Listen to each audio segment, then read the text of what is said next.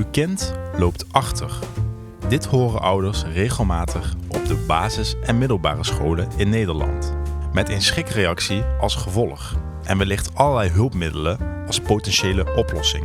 Maar wat betekent het eigenlijk wanneer een kind achterloopt op school? En op wie hebben deze kinderen die achterstand dan? Vandaag gaan we in gesprek met pedagoog Marcel van Herpen over het wel en wee van kinderen met een leerachterstand. Dit is Pedagogisch Verantwoord, de podcast over verhalen, meningen en de wetenschap achter opvoeden. Met Lars Limburg en Tijmen van den Beuken. Hey Tijmen, welkom in mijn eh, nieuwe huis. Ja, leuk Lars. Ik bedoel, de vorige keer zaten we nog eh, bij jouw ouders op zolder in de Ja. vorige aflevering. Zo gaat dat soms hè? Omdat jij toen nog eh, in between houses zat. En nu eh gloednieuw. Ja, wat vind je ervan? Ja, het ziet, er, het ziet er prachtig uit. Licht. Je hebt eh, heel veel lichte kleur gebruikt. Wit, hip Mhm. ook, Ja. denk ik wel. Ja, En, eh, allemaal van mijn vriendin, deze inrichting. Ja, daar heb jij niet, niks aan Nee, bijgedragen. maar ik heb natuurlijk wel voor gezorgd dat we konden opnemen. Hè? Dat we een mooie plek hebben om te podcasten. Er zit op een mooie tafel. Alles eh, staat weer klaar. Alle papieren, alle wetenschappelijke bronnen. Jawel. En we gaan het weer over een, eh, een onderwijsthema hebben. Leerachterstand. Ja, En eh, dan kunnen mensen zich afvragen misschien eh, van... Ja, hè, vorige keer ging ook over onderwijs, over die schoolovergang. En nu gaan jullie het hebben over leerachterstand. Wat hebben jullie in één keer met eh, onderwijs? nou ja, het is natuurlijk wel zo dat kinderen en ouders ook in het jonge leven veel te maken hebben met onderwijs. Ik denk het het grootste deel van, hè, van het leven van een kind eigenlijk. Dus het is belangrijk dat daar gewoon veel informatie over is, denken ja, wij ook. daar wordt ook gewoon opgevoed. Hè? En eh, sowieso heeft het ook heel veel invloed op het leven van een kind. Want ja, of in ieder geval daar gaan we vanuit dan. Hè? Daarom gaan we deze podcast ook, eh, ook maken. En eh, daar willen we ook met deze podcast achterkomen van... Ja. Is de manier hoe wij omgaan met leerachterstand wel pedagogisch verantwoord? En hoe kan dat anders? En daarnaast zijn heel veel kinderen in Nederland natuurlijk ook, die komen aan lage wal. Ja, en dat begint toch vaak met een achterstand op de scholen. Zeker. En we zitten nu nog bij jou en we gaan dadelijk naar onze gast eh, Marcel van Herpen. Hij heeft ook veel geschreven en heel veel media gemaakt over het lerarenschap, het docentschap. Dus eh, ik denk dat hij wel een geschikte gast is om hierover te sparren. En volgens mij heeft hij ook wel een hele uitsproken mening en visie over eh, hoe wij om moeten gaan met leerachterstand. Want waarom is het belangrijk volgens jou dat, het, dat we pedagogisch verantwoord eh, omgaan met een leerachterstand? Ik denk dat kinderen heel snel het idee kunnen hebben dat ze falen. En dat ze minder zijn dan de rest. Ja, terecht of onterecht misschien. Precies, en dat we daar op een juiste manier mee om moeten gaan, zodat ze wel ook op hun perfecte plaats uitkomen. Nou, ik ben sowieso benieuwd naar de rest van jouw mening. eh, en die gaan we straks nog horen in de, de stelling van deze week. Zeker. Daarnaast gaan we natuurlijk eventjes weer de wetenschappen in. eh, ook rond dit thema, want er is natuurlijk veel over geschreven, leerachterstanden. Hè? En dan eh, gaan we daarna naar, eh, naar Marcel toe. Zeker, maar even heel kort, Lars. Heb jij eigenlijk in je persoonlijke leven ervaring met eh, een achterstand of, of blijven zitten of iets dergelijks? Nou, ik was altijd op de basisschool heel erg me bewust van... oh, ik wilde toch wel over naar het volgende jaar. En ook vooral omdat je met je vriendjes natuurlijk eh, ja, samen door wil gaan. tuurlijk. Eh, maar op de middelbare school, ja, toen was mijn mentaliteit gewoon een stuk anders. Ik, eh, ik vond andere dingen veel interessanter. En dat resulteerde in het derde jaar in eh doubleren, noemden ze dat. dan. Dubleren. Ja, en dat klonk heel heftig natuurlijk. Hè, van, maar, ik, ik, ik zag in één keer mijn naam op een lijst staan met doubleurs. Doubleurs. Is dat dan iets goeds of iets slechts? Nee, ik wist al vrij snel dat dat niet zo goed was eigenlijk. Het, het, het klinkt wel bijzonder. Het klinkt als een soort van acrobaat of zo. Iets Ja, ja, ja, ja. Doubleur. Weet je, Ja. iets, als, alsof, alsof je aan het, aan het werpen ben bent. Wat van die kegels aan het, aan het Nee, eh, nee ja, precies. Dat, voor mij is dat, dat iets anders inderdaad. Maar, Ja. eh, nee, maar eh, toen kwam ik er dus inderdaad achter dat ik het derde jaar opnieuw moest doen. Eh Ja. Verandert toch gewoon veel. Ja, weet je nog hoe dat was toen je dat hoorde? Wat, wat, wat ervoor je toen? Ik voelde me eh, eh, buitengesloten wel, ja. Van de rest van de klas, die allemaal eh, verder gingen natuurlijk. Ja. Ja, dat was wel in, ingewikkeld. En ja, het was ook gewoon zo net niet, weet je wel. Dat is ook heel jammer. En ik snapte ook niet helemaal ja, waarom je dan een heel jaar over moet doen. Hè? Terwijl je gewoon, ja, weet ik veel, net Duits niet gehaald had. Ja, waarom zo. kan ik dat niet even inhalen? Nee, precies, ja. Dus ik voelde me een beetje de, de vreemde eend in de bijt. Gingen volgens jou de docenten daar pedagogisch verantwoord om? Met jouw doubleurschap? Nou, daar hebben we wel eens vaker over gehad. Eh, ja, nee, ik- voor mijn gevoel niet, omdat er niet echt eh, duidelijk werd gesproken over wat er nou precies het verschil was tussen de ene groep en de andere groep. Het was alleen een lijst met waar wij onze namen op stonden. dat is dus een beetje. bureaucratisch. Ja, maar ook een beetje zo van. Een beetje discriminerend voelt dat dan wel ergens of zo. Oh. Van ja, dit is gewoon een ander. Ja, ik wil niet zeggen type eh, kind of zo, Dit- maar dit, dit, dit zijn de, de doubleurs. de doubleurs, de, Ja. de gefaalden Ja, of zo. Ja, exact. heftig. Klinkt heftig, hè, Lars. Ja, maar jij hebt ook nog een verhaal daarover. Ja, ik had hem al even aan jou verteld eh, hiervoor. Maar eh, ik ben dus blijven eh, zitten. Of in ieder geval teruggestuurd van groep 2 van de basisschool naar groep 1. Oh jee. Dus dat is niet een hele heftige intellectuele ja, achteruitgang van mij geweest, denk ik. Ik merk het wel nog steeds aan je dat je daar bent blijven zitten. Ja, dat, dat kan ik heel goed begrijpen. Ja. Ik, eh, we gaan daar even in gesprek waarom. Ik weet nog, in mijn tijd toen was groep 1 was vooral heel veel vrij spel. En in groep 2 was het ook nog wel. Eh, alleen toen eh, kwam de- kwamen de weektaken naar voren voor de eerste keer. En toen moest je eerst een, een aantal verplichte taken doen. Zoals een puzzel maken of iets, of iets anders. En dan pas mocht je weer vrij spel doen. Maar op een of andere manier vertikte ik het gewoon om die puzzels eerst te maken. Om eerst eh, die, die, die, die weektaken of die moedwerkjes, of hoe dat dan werd genoemd eh, destijds, te volbrengen voordat ik ja, vrij wilde spelen. Dus ik wilde gewoon korte termijn leuk. Het moet nu gewoon leuk zijn en ik heb geen zin in al die verplichte zaken. Ja, logisch. En toen eh, zeiden de docenten van nou Tijmen, als jij dat niet wil, ja, dan ga je weer gewoon naar, terug naar groep 1. En toen zeiden ze, ja, Tijmen is nog veel te speels, die wil nog gewoon meer ontdekken, die zit nog veel meer in dat, in dat, in die, eh, in en groep 2 is toch natuurlijk al een beetje gestructureerder. Een beetje meer zitten op een stoel. En, Precies, ja, dat, zo, en zo was ik toen nog niet. Dus toen en, moest ik terug. gewoon goed. En jij, had jij dan nog een idee over als kind of zo van? Of dacht je gewoon, nou leuk. Volgens mij dacht ik meer van, ah leuk, nu mag ik weer, gewoon, mag ik weer meer spelen. Dus eh, volgens mij heb ik er ook geen eh, trauma of mentale, mentaal last van gehad. Maar eh, dat, is, dat is dus mijn ervaring. Dus eh Ja. bij mij op de basisschool is Wel dat... grappig dat we eh, allebei inderdaad een, eh, een andere, eh, op een andere plek dat hebben meegemaakt in onze eh, schoolloopbaan. Zeker. En over die schoolloopbaan, eh, daar gaat ook de stelling over. Hè? Pedagogische stelling. De pedagogische stelling van eh, deze aflevering is... Kinderen worden opgejaagd in hun schoolloopbaan. Lars, wat is jouw pedagogische visie? Nou, ik zou gewoon wel meteen eh, zeggen dat ik het dan eh, eens ben met de stelling wel. Zeker in Mhm. Nederland geloof ik dat dit aan de hand is. Eh, moet wel gezegd dat er steeds beter onderwijs op maat komt. En dat kinderen steeds weer worden gezien in hun persoonlijke pad naar het volgende niveau. Ja. Maar dat pad vind ik heel belangrijk. Dus ik vind eigenlijk dat elk kind een eigen pad heeft. Als je ook naar ons kijkt, en wij zijn ook verder gaan studeren. Terwijl heel veel mensen hadden ook hebben gedacht, nou, die zullen gewoon eh, op een bepaald niveau, eh, ja, eh, dat, dat prima vinden en daarop op verder gaan. Terwijl er zijn gewoon momenten geweest in onze schoolloopbaan dat wij gewoon andere keuzes hebben gemaakt. Ja. En dat je daar zonder opgejaagd te zijn toch uitkomt bij wat jij eigenlijk wil gaan doen. En als je als professional, dus als onderwijsprofessional of, of als ouder daar je bewust van bent dat een kind een andere weg heeft dan sommige andere kinderen naar het volgende niveau, Mhm. dan denk ik, ben daar bewust van en dan kun je dat gewoon dat proces begeleiden. ja, ja. Maar hoe zit het dan eigenlijk, eh, wat is jouw mening eigenlijk dan? Nou, ik ben het eh, oneens met de stelling. Ik denk dat kinderen de keuze kunnen maken en dat ouders daar ook in, in kunnen bijdragen om dat niet te doen. Om dus gewoon ervoor te zorgen dat je eh, de tijd neemt. Want dat is wat jij net zei, want daar ben ik het wel mee eens. Dat eh, wanneer kinderen de tijd kunnen nemen om zich te ontwikkelen of om bepaalde. Tel ze komen op een onderwijsniveau terecht wat niet echt bij hen past. En dat ze dan ja, goed daarachter kunnen komen en dan door kunnen ontwikkelen. Dat dat gewoon moet kunnen. Want dat heeft, voor ons heeft dat wel eh, goed uitgepakt. Ja. Inderdaad. En we laten dus deze aflevering, het gesprek met eh, Marcel en daar de bron die jij daar gaat bespreken, laten wij dus kijken of wij misschien draaien in onze stelling, in onze mening. Interessant. En dan gaan we daar in de conclusie weer op terugkomen, nadat we met Marcel gesproken hebben. Maar Lars, je staat te popelen zie ik. Ik zie dat jij eh, weer wat eh, mooie dingen op tafel hebt eh, neergelegd. Jawel. Jij pakt de bladeren er weer bij. Je bent de wetenschappelijke archieven ingedoken. En eh, ik zou zeggen, Lars, verlicht ons. Wetenschappelijk verantwoord. Ja, ik heb vandaag twee bronnen meegenomen die ook een beetje wringen met elkaar. Dus een beetje twee verschillende dingen zeggen eigenlijk, wat wel goed is in, deze, in dit thema. Eh, en die eerste bron die is eigenlijk vanuit het ministerie eh, van Onderwijs. En dat is een achtergronddocument van kansrijk onderwijsbeleid uit 2016. Dus een beetje wat de overheid vindt dat eh, hoe we om moeten gaan met onderwijs de komende jaren. ja.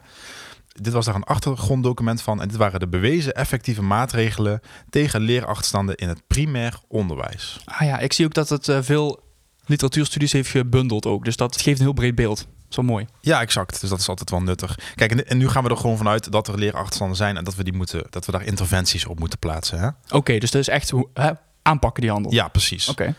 Dan zijn er inderdaad een paar methoden om het te verbeteren. Als kinderen beter presteren in het onderwijs, verhoogt dit hun kansen in het leven aanzienlijk. Ja, dat is gewoon een reden eh, waarom, waarom deze interventies er moeten komen natuurlijk. Oké, ja. ja het, het houdt wel een soort prestatiedrang in stand, Ja, als ik het zo lees. Inderdaad. En een andere reden waarom deze interventies goed zijn, is dat er meer onderwijs, meer onderwijs leidt tot een hogere kans op werk, een hoger salaris, gezonder gedrag, een lagere kans om ziek te worden, minder criminaliteit en minder tienermoederschappen. Nou, dat is een hele rits, Stijn, hè? Ja, Eh, doordat wij onderwijs hebben gehad, zouden deze dingen in ons leven minder voorkomen. Het is goed logisch dat als je als kind te weinig onderwijs krijgt, dat bepaalde dingen meer voorkomen. ja en ik denk ook dat onderwijs wordt ook eh, te vaak eh, alleen gezien als feitjes in je hoofd proppen. Maar het is natuurlijk ook een heel sociaal gebeuren en een heel pedagogisch gebeuren. Je Ja. zit in de klas, vriendschappen. je leert heel veel eh, van je docenten en van je mede eh. Allemaal deel van socialisatie, zoals dat dan eh, in het pedagogische vak zeggen. Ja, maar wat zijn nou goede methoden om de leerachterstanden te verbeteren?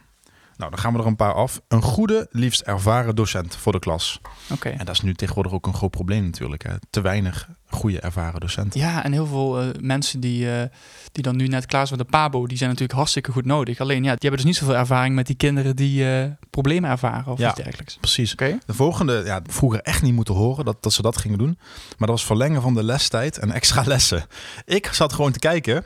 Om negen uur, half negen op school zijn en om drie uur weg. Dat was gewoon ja. eh, mijn eh, structuur. En, eh, Die klok kijken, hè? ja, Oh. en dit is dus een methode om het, om het leerachterstand te verbeteren. Ik heb daar twee dingen over te zeggen. Heb ik dat ook wel gedaan, heel veel op die klok kijken. Daardoor heb ik wel misschien wel beter klok leren lezen. Dat ik daarmee bezig ben de hele tijd zo. Maar aan de andere kant, als die lessen leuk zijn en goed zijn... en, en niet altijd volop focus nodig hebben... misschien maakt het dan ook helemaal niet uit of zo. Nee, Toch? nee, nou, goeie. Dus Ja. heeft natuurlijk ook met de kwaliteit van lessen te maken. Maar goed, wat is, de, wat is zijn de, de volgende Extra stappen? ondersteuning van onderwijsassistenten. Die zijn heel belangrijk. Heel goed. Ja, zeker Ja. zo'n drukke klasse waarvan heel veel mensen nu ook met het passend onderwijs zitten. Dat mensen met een rugzakje tussen aanhalingstekens, mensen met eh, autisme of ADHD of, of zelfs een lichtverstandelijke beperking, zoveel mogelijk in het reguliere onderwijs eh, meegenomen worden. Ja. Die normale leerkrachten die kunnen dat niet aan. Nee, Die- precies. dus onderwijsassistenten zijn altijd wel, eh, wel nodig. Dat zie ik ook wel in de praktijk. Dat, eh, je ziet altijd als klasse een onderwijsassistent hebben of meerdere, dat dat veel beter gaat. Wat vind je dan van kleinere klassenvormen? Ja, ook goed. Ja, want je zegt, zegt net, van grotere klassen, dan kun je ook moeilijk eh het persoonlijk niveau houden. Ja, en dan wordt het echt, echt zo'n zo'n eh, afwerk eh, gebeuren. Want dan heeft elke leerling heeft dan maar zoveel minuten begeleidingstijd. Dan wordt het bijna een, eh, een goed draaiende huisartspraktijk. weet je ja, wel? exact. We Ja. hebben maar drie minuten nu. Oké, je hebt een vraag. Nou, er moeten nog dertig kinderen hebben ook een vraag. Nou, vertel, een minuutje en dan Ja, moet ik toch in de praktijk is het moeilijk hè, om kleinere klassen te, te vormen. Zeker, en dat kost ook heel veel geld. Ja, Ja, de volgende slaan we even over. Dat is dubleren. oh, hebben we het over gehad. Ja, ja, zeker. Nee, maar dat is, ja, dat is natuurlijk gewoon een manier om, om kinderen alsnog die afstand laten, eh, ja, te laten bij. Spijkeren. Ja, Ja, precies. ja, ja, gewoon de, mo- de mogelijkheid van het is niet voorbij. Je kan nog altijd eh, door. Ja, precies. Oké. Eh, nummer zes is uitdagen. eh, want lagere verwachtingen vermindert de leerprestaties. Dus ja, toch een beetje Vygotsky. Hè? Dus de mensen, eh, de kinderen laten komen tot hun eh, zone van naaste ontwikkeling. Eh, Zeker. En dat doe je door ook uit te dagen. Ja, prikkelen, uitdagen. Eh, en eh, dat, dat heb ik eh, volgens mij persoonlijk ook wel vaak gemist hoor. Eh, op, op mijn manier om echt eh, even ge- geïnteresseerd te worden. Stimuleren van, eh, ja, ja, maar exact. goed, dat kun je niet bij elk kind. Eh, nog twee. Eh, de zevende is zomerscholen. Mhm. Ik heb dat eigenlijk in, is dat in Nederland een ding inderdaad? Het is er wel, maar het is niet heel gebruikelijk. Het is niet dat elke school dat aanbiedt. eh, of iets Ah, misschien had ik daar ook wel eh, misschien behoefte aan gehad hoor, vroeger. Aan een beetje. vind eh, is vond ik ook wel leuk. Ja, is echt- Ja, nee, oké, daar hebben we het niet meer over. En de laatste was ouders inzetten. Nou ja, Ja. voor mij gebeurt dat ook een beetje. Gebeurt dat wel, ja? ja, dat, maar dat ligt natuurlijk aan per school en per eh, ouder. Maar eh, ouderparticipatie, zoals het dan heet, dat wordt wel eh, op een hoog vaandel gezet. Door Maar kijk, ik snap wel dat je ouders inzet bijvoorbeeld met een, het tuintje hè, in groep 3, 4 of zo. Het, Ja. het, schooltuintje en dat soort dingen. Maar hoe doe je dat in groep 7 en 8 eigenlijk? Allemaal uitjes. Als je ergens naartoe gaat, een eh, activiteit of zo. Je gaat naar, naar het museum of je gaat naar de Tweede Kamer, dat soort dingen. Ja, Tweede Kamer ga je volgens mij niet in groep 8 heen. Maar gewoon dat soort grote activiteiten kunnen ouders altijd mee helpen. Maar en lessen misschien? Of ja, ook iets vertellen over hun werk misschien of zo. Zeker. Dat is altijd goed. Zeker. Ja. Ja. ja. Genoeg, genoeg mogelijkheden. Die tweede bron, Tijmen, dat is Ja. een beetje de andere kant. En daar valt jou denk ik wel iets op. Ja, want dit is een bron van eh Maaike Kooijmans. De jeugdsocioloog eh, en eh, onze eerste gast van onze podcast. Ja, en weet je nog welke, welke lectorschap eh, zij had? Welke lector? Zij, zij was destijds en nog steeds lector van Opvoeden voor de Toekomst. Ja, inderdaad. En dat is dus interessant, omdat opvoeden van de toekomst, dat gaat natuurlijk ook over hoe gaan wij in de toekomst om met die leerachterstanden. Ja. En Maaike Kooijmans heeft daar wel een interessant idee over. Zij ziet een samenleving waarin het steeds meer gaat om productie en rendement, om meetbare resultaten. Eh, en dan maken opvoeders zich volgens haar terecht zorgen of er nog wel genoeg spontane speelruimte is, letterlijk en figuurlijk. Ja, ja, helemaal eens. En dat is wel de andere kant. Hebben die kinderen wel een leerachterstand? Hebben die niet gewoon behoefte, net als jij, Tijmen, in groep eh, 1, aan nog een beetje speelruimte? Dan gaan we er ook vanuit dat spel niet leerzaam kan zijn. hè. Ik zou in groep 1 misschien wel net zoveel kunnen leren of geleerd hebben destijds dan eh, in groep 2. Puur omdat ik in mijn spel bepaalde dingen ontdek. Dus dat is ook een heel, hele ouderwetse manier van denken. Dat wanneer je het plant en wanneer het gestructureerd is in een dag, dan pas kun je leren en dan ga je spelen. Dat het twee verschillende werelden zijn. Dat is gedateerd. Ja, Zo werkt precies. het ja. niet. Nee, inderdaad. Volgens Maaike weten ook eh, ouders niet goed om te gaan met eh, keuzestress en prestatiedruk, waaraan hun kinderen, maar ook zij zelf lijden. Ja, dat is natuurlijk een heel groot probleem van tegenwoordig. Hè? Kijk, de, de ouders van nu, die zijn natuurlijk opgegroeid in een tijd van welvaart en alles is mogelijk. En eh, eh, er is in principe over het algemeen geld in overvloed. En eh, je kan alles worden wat je wil als je maar hard genoeg werkt of als je maar goed genoeg studeert. Dan krijg je wel een goede baan. En die mentaliteit die wordt nog steeds op die kinderen geprojecteerd. En dat neemt superveel druk met zich mee. En ook natuurlijk de social media die dan, eh, die dan daar ook een rol in speelt. Je ziet alle mensen die succesvol zijn. Jij wil dat ook. De, de maakbare wereld. Je denkt dat alles gewoon mogelijk is als je maar... Maar we weten natuurlijk ook dat dat niet waar is. Nee, inderdaad. En ook als je, als je het hebt over leerachterstand. Het is toch ook niet zo dat jij, als jij een, een bepaald onderdeel nog niet onder de knie hebt, dat dan grootse gevolgen heeft voor jouw latere eh, niveau en school en, van, eh, en carrière en zo. Dat, dat, dat is natuurlijk wel een beetje overdreven ook. Ja. En ook wat jij zei in jouw, eh, in, in jouw bewering met betrekking tot de stelling, is dat ouders inderdaad toch wel jagen, denk ik. Omdat ze natuurlijk het beste willen voor hun kind, maar ook omdat ze weten hoe het bij hun vroeger is gegaan. Ja, dat is een generatiedingetje, denk ja, ik. tuurlijk. tuurlijk. Ehm, wat Maaike nog meer zegt, eh, is dat ouders eh, deze druk anderzijds ook zelf opvoeren, omdat ze willen dat hun kind een zo hoog mogelijk niveau haalt. Nou, dat is Ja. wat we een beetje gezegd hebben. Zeker. Maar die oplossing, volgens Maaike, die zit hem in collectief, in het collectief. En dat betekent dus samen een kind brengen naar waar het moet zijn. Ja. Ja, dus, dus met het systeem eromheen. Hè? Dus met de school goed in gesprek blijven. Met de opa's en oma's bij van spreken. Dat, dat bedoel je dan vooral? Ja, ja dat precies. Maar ook inderdaad eh, de clubjes, hè, waar ook heel veel leren op gebeurt. Bijvoorbeeld de scouting, waar wij het ooit ook over hebben gehad. Ja, aflevering die 9. heeft, ook, die heeft ook gewoon een aandeel in, de, in, in die opvoeding. En Ja. daar mag ook wel eens aandacht voor zijn. Het hoeft niet alleen maar op school dat al die stappen worden Ja, gezet. maar ook op de voetbalclub, op de jeugdverenigingen, het toneel, muziekles. Dat, dat moet allemaal samenwerken, dat zegt Maaike dus. Om, ja, eh, en wat dat betreft is deze podcast een feest der herkenning, Tijmen. Want eh Maaike haalt ook nog eventjes Misha de Winter aan, die wij ook hebben gesproken. En die zegt, we need a village to raise a child. Ja, Dus ja. niet het it takes a village, Ja. maar we, we hebben gewoon het hele dorp nodig. nodig. Ja, nodig Ja, om- dus zij scherpt het eigenlijk al een beetje aan, dat, eh, dat Afrikaanse gezegde waar Ja, precies. De Winter het vaak over heeft. Dat is, eh, dat is waar en we, we hebben het ook wel nodig, denk ik. En zeker in deze tijd van individualisatie. Mensen zijn toch groepswezens. Dat, dat is heel fundamenteel, denk ik, maar het is gewoon zo. En eh, dat werkt ook bij kinderen. Dus ik ben er helemaal voor wat ze zegt. Gewoon iedereen betrekken, met iedereen in gesprek gaan. En, het, en we moeten overal de waarde van inzien. Dus niet denken van, ah, iets in de cultuur of iets met muziekles, dat is minder waard dan rekenles of iets dergelijks. of Nee, scouting. of scouting inderdaad. Het is allemaal waardevol. En een kind kan overal wat leren Ja. om zich te en ontwikkelen. heidje voor karweitje. Als je bij iemand aan, aanbelt van mag ik even iets doen? En dat die persoon dan op een goede manier jou naar zijn auto wijst en zegt dit kun je gebruiken. En Ja. dat zou, dat zou die kleine dingen dat een kind Sociale opgroeit. vaardigheden. Ja. Ja, zeker. En, en ook hoe het niet moet. Hè. Dus als, als iemand dan aan die deur eh, heel vervelend gaat doen... of ik heb hier geen interesse in... dat het kind ook daar mee, eh, mee in aanraking komt. Ja, ja. Ja. Nee, inderdaad. Mooi Lars, ik denk dat eh, onze kennis weer heel erg aangevuld is. Zeker dat wij weer uh, beslaagd en is eh, naar Marcel kunnen. We hebben nog een lange reis Hele voor de lange reis, ja. Want waar moeten we We natuurlijk... gaan naar Uitgeest. Uit- Daar is eh, Mar- eh, Marcel op dit moment. is dat Noord-Holland? Ja, klopt. Dat ligt eh, bij Castricum inderdaad. Daar gaan Nou. we nu naartoe. Daar gaan we nu naartoe. Pak je spullen in Lars en dan eh, stappen we weer het openbaar vervoer in.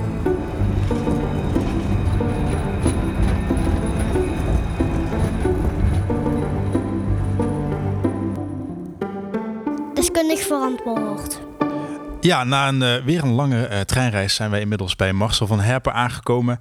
Eh, Marcel is pedagoog, spreker, auteur en leraar.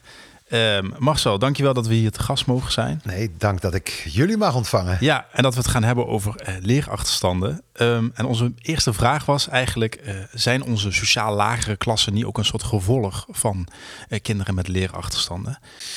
Ja, je valt even met de deur in huis. Ja, dat doen we. Bijna- Proberen we. Daar hebben jullie goed over nagedacht in je lange treinreis hier naartoe.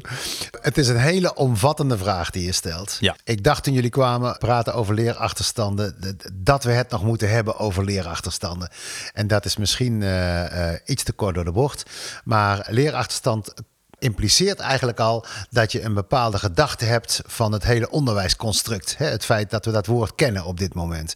Dus, dus daar zouden we naar moeten kijken om überhaupt iets te kunnen zeggen over hoe je kijkt naar eh, wat voor gevolgen dat heeft. Dus als ik zo zou mogen beginnen, een, een leerachterstand is een, een voortvloeisel uit een construct waarbij we kinderen selecteren, meten en vergelijken met elkaar. Je hebt een achterstand ten opzichte van iets of iemand. In dit geval dus ten opzichte van iemand. Ja. Dus wij zijn vertrouwd geraakt met, het, met een, een soort van gemiddelde, een gemiddelde leerling waar we ons op richten. Eh, en ik zeg wij, het onderwijs, de methodemakers, maar in- inmiddels ook de leraren en de opleidingen. Een soort van gemiddelde leerling. Daar zit je boven of daar zit je onder. En als je daaronder zit, dan zou je als achter kunnen lopen. En dat moet ingehaald worden. Ja. En, en dat is een, een, een, een beeld, dat kun je zo voor je zien, eh, van een achterstand.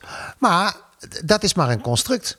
Want achterlopen op je eigen ontwikkeling, dat kan natuurlijk niet. Het is een, een genuanceerde vraag die we, die we af zullen moeten pellen, denk ik. Maar, Ja. maar jij, jij, jij denkt en werkt al een hele tijd in die onderwijswereld. Dus heb jij dan niet het gevoel van dat je er ook aan bij hebt gedragen aan dat, aan dat construct? Of heb je je daarvan af willen zetten? Nee, ik, heb er, ik, ik durf echt te zeggen, daar heb ik me van af willen zetten.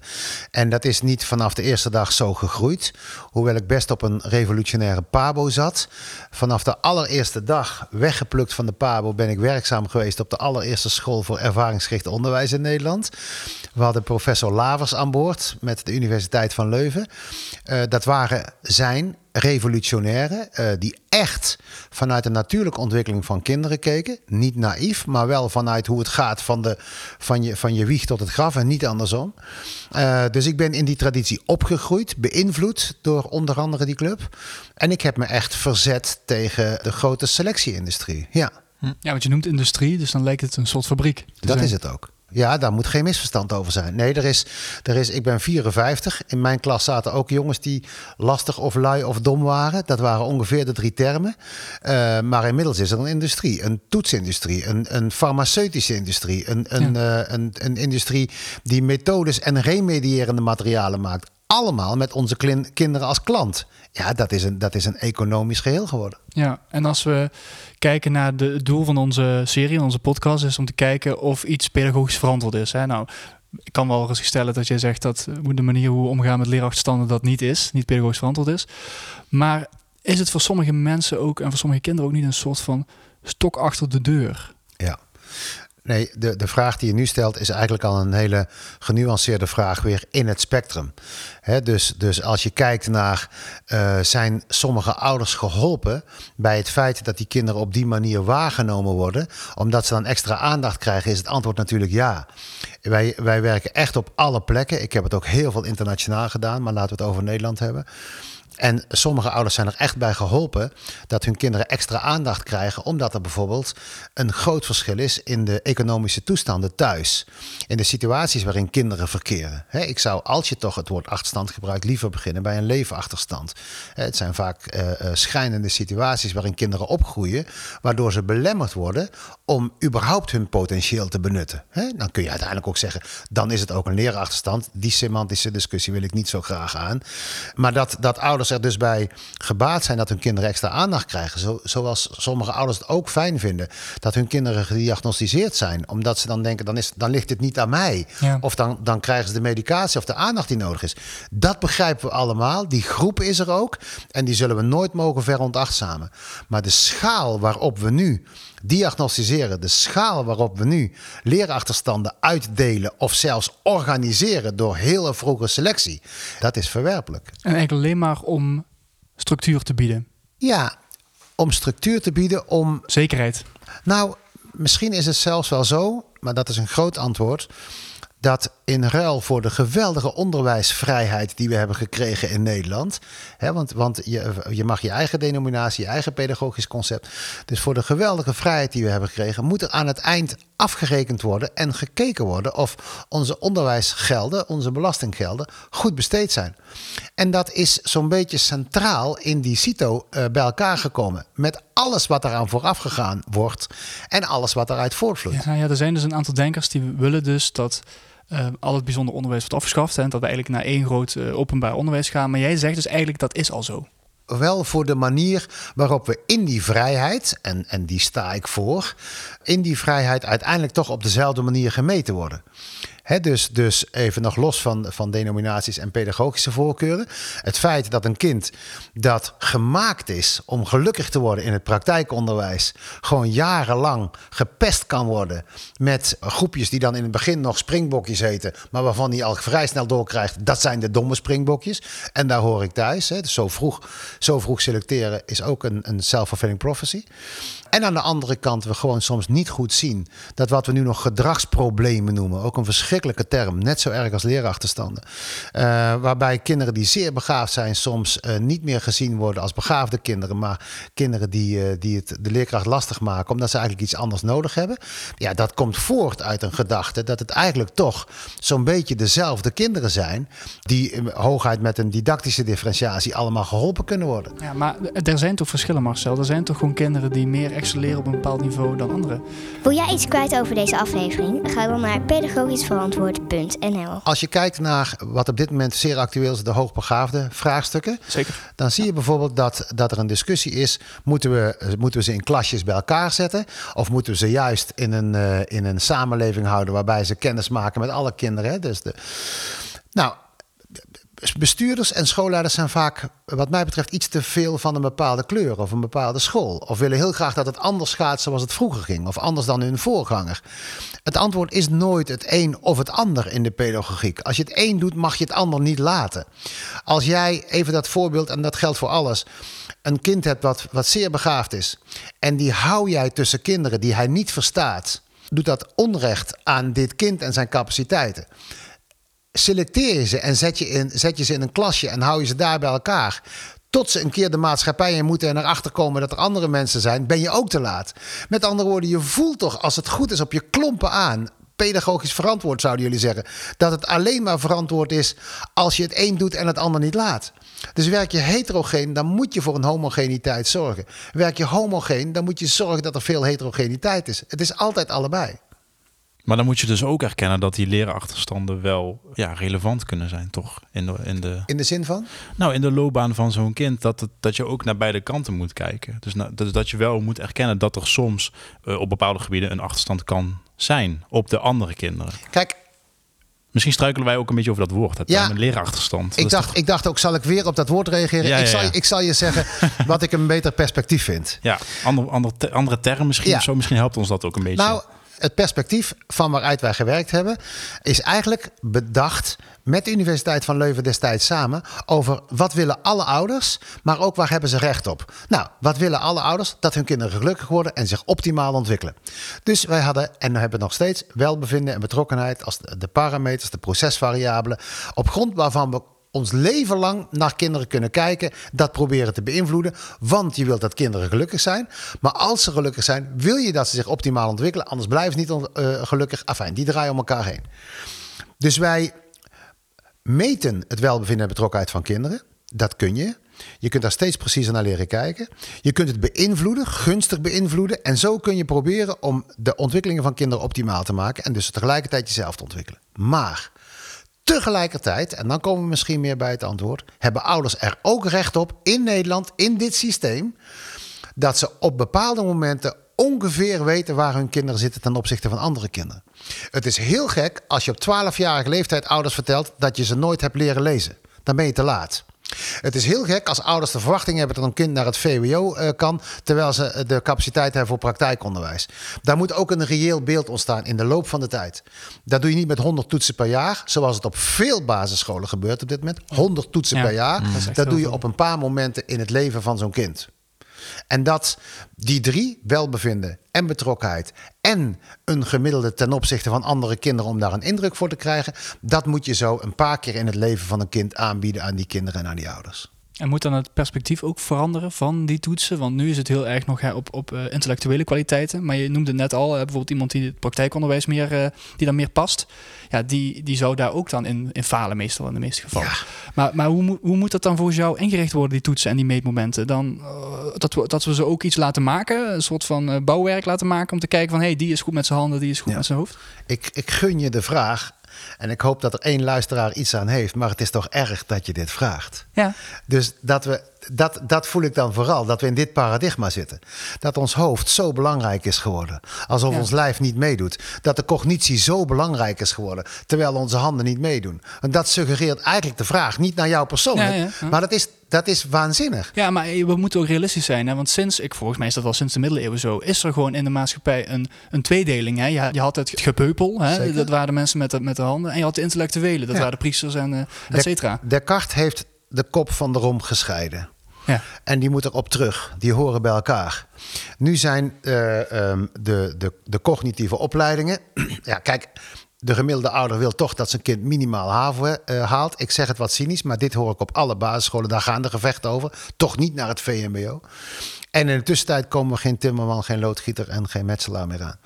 Met andere woorden, als we dat niet terugbrengen naar een normaal holistisch beeld voor onze wereld, maar ook voor onze mensen. En we blijven het hoofd superieur houden, dan creëren we letterlijk onze eigen problemen daar. Maar het doet vooral onrecht aan de capaciteiten waarmee kinderen geboren worden. Later, als alles voorbij is, zien we de super creatieve dyslecten opbloeien. Uh, maar wel vaak met een afschuwelijke schoolperiode. Als klassiek voorbeeld. Wat zonde. We hadden ze al nodig. Ze konden de D en de T misschien niet op de goede plek krijgen. En je zult er aandacht aan moeten besteden. Maar sommigen zijn daar niet voor gemaakt. Terwijl ze in de tussentijd met geweldige andere structuren kunnen werken. Nou ja, als je dat minacht, dat is het woord. Als je dat minacht vanaf het moment dat ze kleuter zijn. Vanaf het moment dat, dat je het in spel vaak zich al ziet ontwikkelen.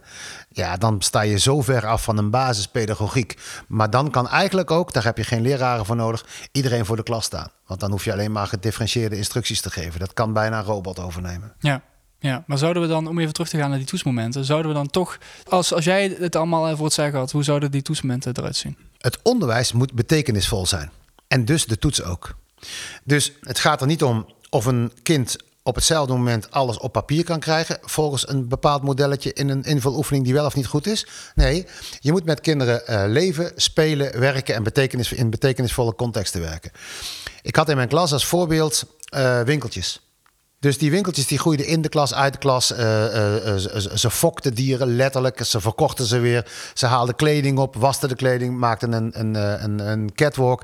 Enfin, dat was betekenisvol. Er werd gebakken, gekookt. Er werd dus uh, gewogen, gemeten. Taal, dat begrijp je, dat, was, dat knalde de hele dag. Daar werd over geschreven, er moesten brieven naar de, naar de burgemeester. Enfin, je hebt al lang een beeld van een soort van vorm van projectonderwijs. In de letterlijke betekenis. Je weet niet waar het eindigt, het ontwikkelt zich. En de kerndoelen die knallen eruit. De kinderen zijn aan het werk, komen graag naar school. En in die betekenisvolle situaties heb ik kinderen dingen zien doen waar ik niet eens aan gedacht had dat kinderen ze zouden kunnen doen. In dat vertrouwen zie je soms dat kinderen daar, terwijl ze geweldige organisatoren zijn, terwijl ze fantastische dingen uh, maken en creëren, uh, in hun taal bijvoorbeeld wat achterblijven op hun anderen. Of echt al een dyslectisch beeld gaan vormen. Daar zie je dat ouders en leraren tegelijkertijd de ontwikkeling van hun kinderen zo goed kennen, zo genieten van wat er allemaal gebeurt dat ze zich minder zorgen maken om dat wat achterblijft. Niet omdat het niet moet gebeuren, het moet blijven uh, gestimuleerd worden, maar omdat ze weten dat als ze voor iets anders gemaakt zijn, ze waarschijnlijk die weg al aan het vinden zijn en iets anders of meegaat of gecompenseerd wordt of wat later op gang komt. Maar dat vertrouwen is weg als je alleen maar toetsen maakt waarbij je eh, kinderen vergelijkt met anderen en eigenlijk soms, soms voor kinderen 6, 7, 8 jaar lang het idee hebt dat ze net het niveau niet halen wat ze zouden moeten halen. Hmm. Wie zou daar beter van worden? Je luistert naar Pedagogisch Verantwoord met Lars Limburg en Tijmen van den Beuken. Ja, Tijm, ik snel ook een beetje te denken aan... De, we hebben natuurlijk afleveringen uh, gemaakt over de verschillende schooltypes die er zijn. Ja. En vrije school hebben wij laatst nog een keer over gesproken. En daar proberen ze volgens mij wel een beetje meer aandacht te hebben... voor wat, wat, het, wat het individuele kind nou eigenlijk boeit. En waar die talenten voor heeft. Missen we op de basisschool en misschien op de middelbare school ook niet een soort uurtje voor... Uh, wat kan jij nou eigenlijk goed? En wil je daar eventjes uh, aan gaan zitten of zo? Nee, niet een uurtje. Daar moet de hele basisschool over gaan. Ja, misschien wel, ja. ja. ja. Een uurtje is weer een construct. Dan denk je weer vanuit een model. Ja. Nee, die, die kinderen die, die komen niet voor dat uurtje. Dat zijn psychosociale wezens. Ja. Die komen daar met zichzelf. En, maar hoe zou, jou, hoe zou jouw ideale dag op de, op de basisschool er dan uitzien? Zal ik je zeggen. Maar die is afgeleid. En dan kom ik even terug op die vrije school. De, de vrije school heeft natuurlijk een antroposofisch concept. Dat is zomaar niet eventjes in een minuut te nee, vertellen. Dat snap ik. Nee. Maar ik zou daar toch graag zeggen alle traditionele vernieuwers zijn ons voorgegaan. Dalton, Montessori, Jenaplan enzovoort. Wij zijn destijds met dat ervaringsgericht onderwijs gaan staan op die traditie. Dus de ideale dag, of liever gezegd de ideale week, had, en dat, dat konden we zo overnemen van alle traditionele vernieuwers, had alle kenmerken die de traditionele vernieuwers hadden. Dat projectonderwijs van Jenaplan, zonder dat we daar uitgebreid nu over hoeven te spreken, uh, die dag- en weektaken Ja. van, van Dalton, uh, de, de vieringen van het Jena-plan. We hebben van Freinet die, die, die hele lees-schrijf-methodiek uh, in, de, in die aanvankelijke fase. Ik heb een paar jaar groep 2-3 gedaan. Enfin, dat was er allemaal. Het is er allemaal. En, ik, en misschien moet ik bijna met pijn in mijn hart zeggen: het was er allemaal. Ja. Het is bijna allemaal teruggegaan tot een module op de Pabo. In plaats van vier jaar lang op de Pabo studenten hiermee onderdompelen, laten weten wat kinderen zijn. Dus die ideale uh, week of dag bestaat uit contractwerk, projectwerk, ateliers, vrije keuzes. Een combinatie waarbij als je de activiteit ziet, niet weet waar je zit. Als kinderen aan het bakken zijn of koken zijn in, de, in een school, dan weet je niet of dat een vrije keuze is, of dat dat een atelier is, Ja. of dat dat een project is, of dat dat hoort bij de methode. Dus aan de activiteit is het niet af te lezen. Aan de betrokkenheid weet ik wel of daar echt geleerd wordt. De ideale dag is dat je je daarop kunt richten. Ja, maar Marcel, dan ben je eigenlijk best wel pessimistisch dan over hoe het nu is. En word je dan niet een beetje droevig? En wil je dan niet eigenlijk zo ver mogelijk van die onderwijswereld weg zijn? Ik ben niet pessimistisch van aard. Dat is geen compliment aan mij, maar Oh. aan mijn ouders misschien. Ik ben niet pessimistisch van aard. Maar ik ben wel bezorgd over hoe zo'n ontwikkeling... die overgelaten is aan ambtenaren... aan mensen die geld verdienen aan onze kinderen... aan mensen die deze denkbeelden hebben kunnen inpeperen... leerkrachten die, die naar, naar het corporate governance van het bestuur zijn gaan handelen... eh, hoe dat gekeerd moet worden... En dat kan eigenlijk alleen maar door geëmancipeerde leerkrachten. Die denken, waar ben ik nou mee bezig? D- drie keer een gedifferentieerde instructie op een ochtend... waardoor ik geen tijd heb om naar kinderen te kijken. Ja. Zoveel tijd aan toetsen dat ik ze niet eens goed kan analyseren... om een, om een verantwoorde vervolgstap te zetten, enzovoort. Daar moeten we niet over werkdruk blijven spreken. Daar moeten we leerkrachten aanspreken op een emancipatoire verantwoordelijkheid. Dat zij in die klas moeten gaan doen wat daar nodig is. ja, is eigenlijk ook meer pedagogiek. Als, als basis sowieso. Ja. Terwijl het nu een bijproduct is, lijkt het. Ja, ja. En het wordt een, een, soort van, uh, ja, een soort van huisartspraktijk... waar je maar een paar minuutjes hebt per leerling. En dat wordt steeds korter. En uh, terwijl de vragen groter worden. Dat is, uh, ja, dat nou ja, is misschien dat, kijk, ik, het, het, lijkt alsof ik, alsof ik in een zwart-wit film spreek.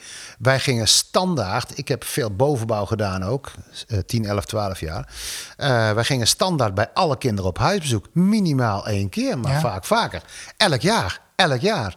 Omdat je contact hield met, met de ouders, met de leerkrachten. Nu gaat de gemiddelde kleuterlijster die ik spreek niet meer op huisbezoek. Dat kan niet. En soms mag je het niet, die uitzondering laat ik eruit. Maar dat kan niet. Je kunt kinderen niet leren kennen van een spreadsheet. Ik wist na één huisbezoek vaak veel meer en ook beter in te schatten dan alles wat ik van experts heb gehoord. Ja, je ziet alles, het pedagogische klimaat, hè, en hoe kom je dan in? Je, ziet alle problematiek die er misschien is, je, hoe ze met het kind omgaan. Eh, ja, dat is zo waardevol. Maar het, het- En VO hetzelfde hoor. We, kennen ze gelukkig, maar Ja. de, de, de goede mentor die heeft, die heeft een, een, een intensief contact. En daar waar nodig eh, gaat hij even langs huis. Ja. Dat, is, dat is niet extra, dat is in mijn optiek de basis van je werk. En als daardoor die relaties goed zijn, kan ik veel beter inschatten hoe ik een kind kan uitdagen en kan corrigeren. Die twee heb ik nodig om überhaupt iets te kunnen zeggen over wat, wat iemand anders daar graag een achterstand zou noemen. ja. Soms, soms spreek je toch een ouder of soms spreekt een ouder over zijn eigen verleden. Waardoor je zo snel zicht krijgt op de biografische aspecten of de culturele aspecten. Als ik dat niet weet, wat klets ik dan als ik over achterstanden praat? Ja. Ik heb toch geen idee? Nee, nee, dat gaat alleen maar door een bepaald keurslijf waar je, waar je, waar je alleen maar gewoon eh, ja, een duim omhoog en een duim omlaag eh, op kan reageren. Dus Dat is te beperkt. dat is, te beper- ja, dat is zeker te beperkt. En hoe zit het dan met het ministerie? Moeten ze dan eigenlijk niet heel anders gaan kijken? Kijken we niet met z'n allen te veel? Want het lijkt een beetje alsof jij iemand bent. Je hebt wel echt die duidelijke mening, maar die hoor je gewoon ook, denk ik, te weinig, toch? Dit idee. Dat weet ik niet. Ik, ik, heb het, ik heb het geluk dat ik met ontzettend veel eh, leraren, docenten, schoolleiders, bestuurders mag werken. ja, het is altijd ook weer weinig als je kijkt naar de totale schaal en de beweging waar, je, waar je toch ook een beetje tegenin werkt, misschien wel. Als je het over het ministerie hebt, die zitten bij mij over de lijn waar ik invloed op heb. Tot en met de bestuurder heb je nog het idee dat je over het primaire proces kunt spreken. Ja. De gemiddelde bestuurder is ook schoolleider geweest. Ja. De gemiddelde schoolleider is leraar geweest. Zeker in het primair onderwijs. Ehm, Ja, die kunnen echt concreet wat doen. Die kunnen Zeker. docenten aanspreken. Of die Zeker. Kunnen, ja, ja. zeker, als ze er zijn. Hè? Maar eh, daarover, en daar spreek ik in het, mijn laatste boekje werk voor de reunie ook over de, de, toch de Delta-variant. Eh, daar moet een kering gebouwd worden. Dijsselbloem heeft het hoe en het wat gescheiden. Eh, nou, dat, dat wat, dat moet echt van de leraar zijn. Sorry, het hoe moet echt van de leraar zijn. Ja. Het wat mag van mij prima van het ministerie zijn. Eh, niet elke leraar hoeft zijn eigen kerndoelen te gaan zitten verzinnen. Dat is ook niet nodig. Maar het ministerie zou wat mij betreft niet gaan over de pedagogiek van de klas. Daar gaan die ouders met die leraren over. Ja, want dat is ook eh, de, de essentie van het bijzonder onderwijs. Hè? Dat ouders samen met de docenten een, een visie opbouwen en, en samen voor ogen hebben wat die kinderen gaan leren en hoe ze naar de wereld gaan kijken. Ja, maar dat zou in elke klas moeten. Het enige probleem wat je daar tegen kunt komen is dat ouders en of sommige ouders zo'n fundamentele andere pedagogische grondhouding hebben. Dat bestaat. Ja. Eh, maar daar heb je als leerkracht ook weer een eigenstandige verantwoordelijkheid. Dan zou ik vanuit een emancipatoire mensbeeld die kinderen eh, duidelijk maken dat je op twee manieren kunt denken en eigenlijk wel op tien manieren. Eh, en dat die kinderen later kunnen kiezen. Ja. Hoe zou je anders patronen kunnen doorbreken die niet juist zijn? Ja. Dan zou de pedagogische tik nog gewoon mogen. Die hebben we afgeschaft. En dat komt daardoor, omdat iemand heeft gezegd dat is niet juist. Ja. Maar leer kinderen daar te kiezen, zodat ze ook juiste keuzes kunnen gaan maken. Ik zit te denken, misschien hebben we ook wel gewoon een nieuwe soort eh, Steiner of Montessori nodig, die alles, aan alles gaat schudden. Ja, maar ik denk dat wat Marcel net zegt, is, is dat het, het meest treurige is, is dat al die mensen die hebben dat al zo lang geleden al gezegd, maar dat het nog steeds niet overal gebeurt. En dat is denk ik ook waar het, het, het, het, het, het stukje pessimisme wat jij net eh, Ja. Eh, merkte bij, Ja, want dan, bij Marcel, dat dat ook daardoor komt. Omdat het, het is gewoon bekend, die boeken die, die staan al, al, al misschien wel honderd jaar in de, in de boekenkasten van, van de pedagogen. Maar Nou, het is, wel, het is wel meer de tijd. Kijk, uit de tijd van de grote pedagogen. Niet dat ze allemaal de, de roem hebben gehad die hen zou passen achteraf. Eh, maar in de tijd van de grote pedagogen was er natuurlijk een hele andere verhouding tot en met de wetenschap en het gezag. Ja. Op dit moment is een willekeurige mening van bijvoorbeeld een columnist van het AD elke dag belangrijker dan wat, eh, wat de wetenschap of degene die in de praktijk werken, soms letterlijk ervaringsdeskundigen te zeggen hebben. Ja, dat, daar hebben we mee te dealen. Dus de nieuwe Steiner zal op die manier niet gemakkelijk op kunnen staan, denk ik. En als ik spreek vanuit mijn eigen ervaring, ik denk dat wij best een heel goed zicht hebben gekregen. Ik in mijn leven, door de kansen die ik heb gekregen, de, de universiteiten waar ik mee heb mogen werken, de ervaringen die ik op heb mogen doen, wat de kerntheorieën zijn voor de pedagogiek. En ik Ja. denk dat er geen nieuwe komt. Wat de belangrijke ervaringen zijn. En ik denk dat er geen essentiële nieuwe meer komen. Met andere woorden, het is zo'n evidente handelingskennis. Die kun je alleen maar overdragen door met elkaar bezig te zijn. eh, en dat te duiden. Hè? Liefst fenomenologisch. Ehm, dus daar hebben we vooral geëmancipeerde leerkrachten voor nodig. ja. Ja, leraren die niet achter iemand aanlopen, maar die geïnspireerd door eh, dit soort inzichten hun eigen verantwoordelijkheid nemen. Zoals Ja. ouders dat ook en moeten die doen. kom jij ook tegen wel in de Zeker. praktijk. Die zijn Ja, er. zeker. Ja. Ja, dus, dus dat eh, die, die docenten zelf een pedagogische visie gaan ontwikkelen in plaats van gewoon achter iemand aan te lopen en gewoon een beetje te doen wat hun laatste stagebeleider deed en dat dan gewoon te herhalen. Je luistert nog steeds naar Pedagogisch Verantwoord. De moeilijkheid die ik heb gevonden, en ik durf toch ook wel een beetje te zeggen blootgelegd en waar mijn masterclass over gaat en mijn werk is, dat de goeie, en niet omdat ik dat zeg, maar gewoon omdat ze ervaren, het gaat lekker, kinderen zijn tevreden, ouders zijn enthousiast, in die zin, dat de goeie zijn intuïtieve handelaren. Dus dat doe je intuïtief en dat is onbewust. Dus als het bij mij lekker ging in de klas, en ik durf te zeggen dat ging vaak, dan was het een knipoog, een hand op een schouder, een vraag, een opmerking. En aan het eind van de dag wist ik niet wat ik gedaan had. Ja. Degene die problemen hebben, zo ervaren ze dat tenminste. Het zijn geen problemen, maar dat zeggen ze dan. Eh, die weten precies waarom het niet lekker gaat. Dus we weten wel waarom het niet lekker gaat, maar we weten niet waarom het wel goed gaat. Ja. Nou, daar heb ik mijn focus eigenlijk op gelegd. Dus ik heb gekeken naar wat gebeurt er als het wel goed gaat. Als je die strategie gebruikt in situaties waarin het niet lekker gaat.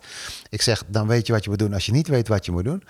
Dan kun je echt eh, als leraar snel groeien en letterlijk dus ook eh, je intuïtie ontwikkelen. Ja, dus, dus eh, als ik je goed begrijp, moeten docenten meer gaan kijken naar wat ze onbewust vanuit hun ervaring en kennis van die kleine details waar ze bijdragen aan de ontwikkeling of welzijn van die kinderen. Dat ze daar veel meer de focus op leggen dan de hele tijd elke dag een soort van reflectieverslag moeten schrijven van oh wat heb ik nu Ja, vandaag zonder het kader bedoel je Ja, eigenlijk. ja. alleen ik heb hulp gehad bij dat onderzoek. Dat kan een leerkracht niet alleen. Het is letterlijk onbewust. Dus een leerkracht kan niet genieten van wat hij onbewust goed doet. Maar hij weet dus ook niet wat hij onbewust doet. Ja. Dus dat, dat spanningsveld wat daar zit, dat hebben we blootgelegd. En dat kunnen we in onze traject en masterclass eenvoudig overdragen.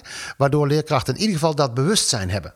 En aan het begin van de ochtend, dus niet alleen didactisch zijn voorbereid en koffie hebben gedronken met Ja. hun collega's, Ja. maar vooral pedagogisch zijn voorbereid op voorspelbare en onvoorspelbare situaties.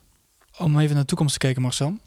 Positief, Positief. optimistisch. Hoe, eh, hoe gaat het? Ja, welke kant moet het volgens jou op? Eh, je hebt net al een paar wensen van jou genoemd, maar eh, stel je voor over tien jaar. eh, heb je dan nog steeds diezelfde visie? Zit je dan, stel we nodigen jou weer uit over tien jaar. Zit je dan hier ook met dezelfde visie of denk je dat er echt wel iets veranderd is? Is die mogelijkheid er? Mijn visie zal dezelfde zijn, denk ik. Mhm. Ik denk dat ik nooit een ander heb gehad, ge- geholpen door de mensen waardoor ik ben Ja. eh, begeleid en ingewerkt, mijn mentoren. Maar we zullen een nieuwe realiteit hebben. Hè, De, de actualiteit is grillig op dit moment, onvoorspelbaar. We leven letterlijk in die onvoorspelbaarheid. De, de crises zijn bekend, de dreigingen, Ja. op allerlei niveaus. Dus de kern is en blijft. Daar zal, ik, zal mijn visie niet veranderen. En ook mijn werk zich op blijven concentreren. De kern is en blijft dat we zeker weten dat we niet weten hoe we er morgen voor staan. Vandaag niet en over tien jaar niet. Dat we met elkaar verbonden zijn. Allemaal. Die twee aspecten maakt dat we niet weten wat er morgen gebeurt en dat we verbonden zijn, allemaal aan elkaar. Die twee aspecten maken dat je in pedagogische zin, dus je zult moeten voorbereiden op onvoorspelbare situaties. Waar gaat het mis? Als de managers en de onderwijseconomen ons suggereren dat je kinderen kunt toetsen, meten, dat je achterstanden in kunt lopen enzovoort, vanuit die beelden blijft denken dat dat maakbaar is. Ja. Dat is een technologische gedachte en die werkt ook bij de technologie. Maar mensen zijn geen materie. Dus eh, geen dingetjes, geen spulletjes. Dus we zullen daar vanuit een pedagogische grondhouding naar moeten kijken. En de kinderen die ik heb getroffen over de hele wereld, die veerkrachtig zijn terwijl ze in sloppenwijken rondlopen en in vuilnisbelten zoeken. Ten opzichte van onze depressieve adolescenten in onze Phoenixwijken, Mhm. dat zijn kinderen die allemaal steun hebben gekregen van iemand, nooit van iets. Ons systeem is te veel iets geworden. Dat is technologisch geworden. Terwijl die kinderen gewoon kijken, waar is die leraar? Waar is die mens? Niet een verlengstuk van een systeem die mijn achterstand kan meten. Nee, iemand die mijn hand vast kan houden en hem loslaat om mij weer begang te laten gaan. In dat vertrouwen. Dat zijn pedagogische Maar grondhoudingen. dan denk ik wel, de technologie die gaat steeds verder. Hè? Je hebt de leerlingvolgsystemen en weet ik veel wat. Er komt van alles bij. Ja. Dus we gaan wel steeds meer richting nog de kant op waar we eigenlijk niet heen willen. Die, Ja. die, die niet-menselijke kant Ja, eigenlijk. want degene die geen, geen, geen idee hebben van het werkelijke verhaal, hè, dus die geen les hoeven te geven, om het zo maar te zeggen, eh, die kunnen dat verfijnd ontwikkelen. Sterker nog, ik weet dat er modellen worden ontwikkeld waarbij vooraf wordt uitgerekend welk percentage uitvalt. Zodat daar de remedierende rotzooi die ze zelf produceren weer verkocht kan worden. Oké. Ja, ik kan het niet cynischer vertellen. Nee, En dat is, dat is, als het over mensen gaat, echt verwerpelijk. Daar wil je je kind niet aan toevertrouwen. Maar jouw kind zit gewoon op die school. In die industrie die zo verworden is. En de gemiddelde leerkracht denkt dat hij daar zichzelf niet aan zijn haren uit dat moeras kan trekken. En ik beweer dat dat wel zo is. Alle leraren bij elkaar hoeft niet op het Malieveld tegen de minister te komen vertellen dat hij het anders moet doen. Die moeten het anders gaan doen. ja, dat is duidelijk. Maar misschien dat ik daarbij mag zeggen. Dat daar wel bij hoort dat de professional, en dat woord gebruik ik niet vaak, maar hier dan toch maar even, Ja. dat de professional dan wel op huisbezoek moet gaan, wel zijn ontwikkelingspsychologie op orde moet hebben, wel moet weten wat de kerndoelen zijn, in plaats van erover te discussiëren, wel moet weten wat er in de methode staat, als hij daar nog nooit naar heeft gekeken, om te kunnen variëren met materiaal, om te kunnen spelen met die kinderen, om in te kunnen schatten wat er nodig is. Ja. Dus het is wel een vak. Marcel, dat zijn hele mooie concrete zaken. Hè? Want, want je begon net heel, eh, een heel betoog te houden die, eh, waar ik me echt wel in kan vinden. En je sluit met mooie concrete voorbeelden af waar mensen mee aan de slag kunnen. Onze luisteraars wellicht ook. ja, ook die, onze eh, ouders, eh, de ou- ouders die naar ons luisteren ook inderdaad. Zeker. Die, die willen dat graag weten. Ja. Dus dat je eigenlijk, dat, dat onze aflevering eigenlijk anders had moeten heten ook. Want leraarachterstand is toch eigenlijk een achterhaald idee dan ook. Dan moeten die ouders niet meer te veel focussen op dat gedeelte. In mijn optiek, maar ik weet dat ik daar eh, eh, niet alleen maar medestanders heb. mhm. Dat is interessant toch ook altijd. Ja. Ja, we hebben nog geen eh, nieuwe, nieuwe naam verzonnen voor een leerachterstand. Maar daar kunnen we misschien nog wel op een later punt op terugkomen. Maar tot nu toe, eh, Marcel, zou ik jou hartelijk willen bedanken voor het gesprek. Het was een feest om met jullie te mogen spreken. Blijf luisteren als je de conclusie van Tijmen en Lars wil weten over dit onderwerp. Lars, Halleluja. voor het slot van deze aflevering eh, zijn wij weer neergedaald in het zuiden des lands op de Universiteit van Tilburg. Jawel, inderdaad, in het zonnetje. Eh, en we kunnen heel mooi eh, de campus zien. Ja, prachtig Lars. Jij studeert hier nu hè? Ja, klopt. En, op dit eh, moment wel. En dat geeft ons het privilege om hier ook eh, te mogen opnemen. Ja. Ja, het, is een, eh, het was een leuk gesprek. Een heel interessant gesprek. We moeten gewoon leerachterstand gewoon eh, uit het woordenboek schrappen. Dat is wat Ja. hij zegt. En hij heeft natuurlijk ook geprobeerd om eh, naast pessimistisch ook optimistisch te zijn. Ja, vond ik wel goed, want eh, dat zei jij ook al in de aflevering, eh, of in het gesprek met Marcel, dat eh, je kan er heel snel heel nihilistisch worden. Dus dat alles is vervelend, het onderwijs is helemaal aan de knoppen, het is niemand te repareren. Ja. Daar kun je best wel snel in vervallen ook, hè? Ja, ik merk wel, mijn eigen visie dan op dit, op dit thema is, ik, ik neig wel iets meer naar wat jij zei over ehm, dat je wel je eigen tempo kan bepalen. Alleen ik vind dubleren is nog steeds een best wel negatief iets of zo. Ja.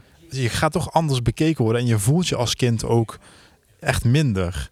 Terwijl het kan toch gewoon zijn dat jij een andere tempo hebt.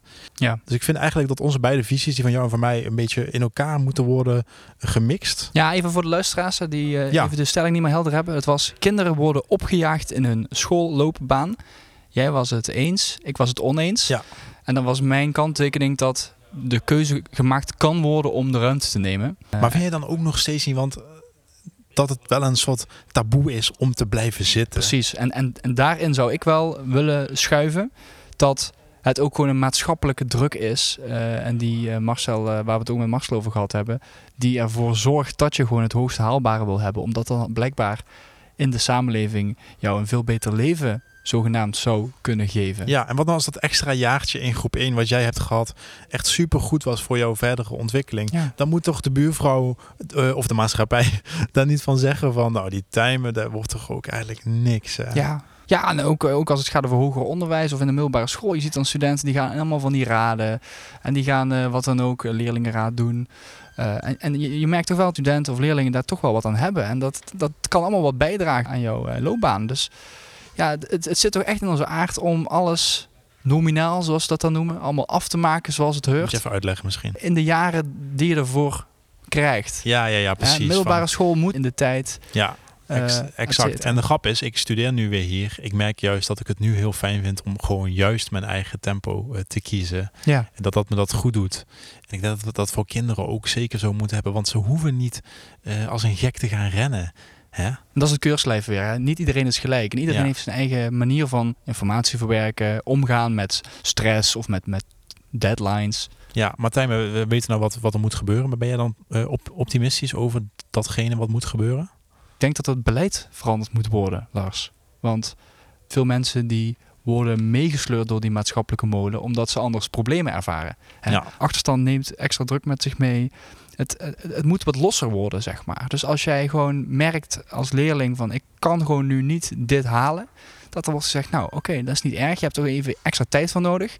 Natuurlijk moet er gewoon wel gekeken worden. Zit je nog wel op de goede plaats of het goede niveau? Dat Mm. moet natuurlijk altijd nog blijven Zeker. bestaan.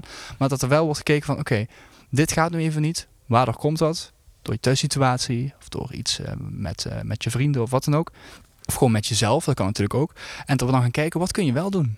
Dat kun je wel toevoegen. Kun je iets anders gaan doen in de tussentijd om Maar je toch wat vind je te dan, ontwikkelen? ik snap jou, maar wat vind je dan van de, de leerplicht en zo? Op een gegeven moment is die gedaan. Moet je, dan, je moet toch wel binnen die leerplicht dan eh, een bepaald niveau ja, halen? maar daar ben ik het wel mee eens. Het moet Maar wel binnen die andere leer... kant, hè? Ja, maar het moet wel natuurlijk wel binnen die leerplicht allemaal. Hè, het moet wel voor een bepaalde leeftijd wel gedaan zijn. Want je kan niet tot je tachtigste op school blijven. Dat gaat gewoon niet. Dat, eh, dat weet iedereen als wel. een, als een kind gewoon echt een ritme heeft wat gewoon echt significant anders is, Ja. Moet, moet die leerplicht voor dat kind dan niet... Nou, ik, ik vind dat het onderwijs daar flexibel in mag zijn. Tot bepaalde hoogte natuurlijk. Maar dat er veel meer gekeken kan worden. Wat kan een kind of wat kan een jongere in de tijd dat hij nu even vastloopt op een bepaald onderwerp aansluiten bij iets anders of zo. Want daar wordt ook natuurlijk heel erg rechtlijnig over gedacht. Hè. Je, Ja. je volgt dit niveau of dit vak, dan moet je ook dit volgen. En je kan niet bij een ander niveau of bij een ander vak aansluiten. Dat kan nog allemaal niet. Of er wordt toch heel moeilijk over gedaan. Ik vind dat wij een paar mooie conclusies trekken vandaag weer over dit eh, thema. Zeker. En het blijft natuurlijk allemaal gaan over van hoe we met z'n allen om moeten gaan, pedagogisch verantwoord met die kinderen en die jongeren. Dus Ja. eh, nogmaals, wat we op het begin ook zeiden, eh, sommige mensen denken, ja, maar onderwijs, wat heeft dat nou te maken met opvoeding? Wel juist, want in het onderwijs, daar worden kinderen klaargestoomd voor de maatschappij, voor de samenleving. Onderwijs is opvoeding. Dan vind ik nog wel dat er een taak ligt voor eh, zowel ouders als eh, een op de scholen, is toch het bespreekbaar maken van verwachtingen. Want ouders hebben soms hele hoge verwachtingen en leraren hebben weer andere verwachtingen. En ik vind het belangrijk dat dat niet wordt gekeken naar waar een kind is ten opzichte van zijn leeftijdsgenoten, maar weer waar een kind is ten opzichte van wat, hoe dat kind in elkaar zit. Denk dat daar nog een taak Ja. ligt. Dus ik, ik zou ook willen oproepen aan ouders gewoon van ga dat gesprek aan met die interne begeleider of met de docent, met de leraar over of je wel op één lijn zit en betrek je kind daar ook in. Hè? Wat- Ja. hoe, hoe voelt het voor dat kind zelf? Mooi, eh, mooi slotwoord, Lars. Jij luisteraar, hopelijk heb je er eh, wat aan gehad. En mocht je deze podcast willen delen met eh, anderen die je kent, eh, ga alsjeblieft je gang. Via WhatsApp of eh, mail, wat dan ook. Kun je dat gewoon doen. Volg ons gewoon op social media. En eh, Lars, ook voor jou en ook voor mij en voor iedereen die dit luistert, blijf alsjeblieft zoveel mogelijk Eh, pedagogisch verantwoord. Tot de volgende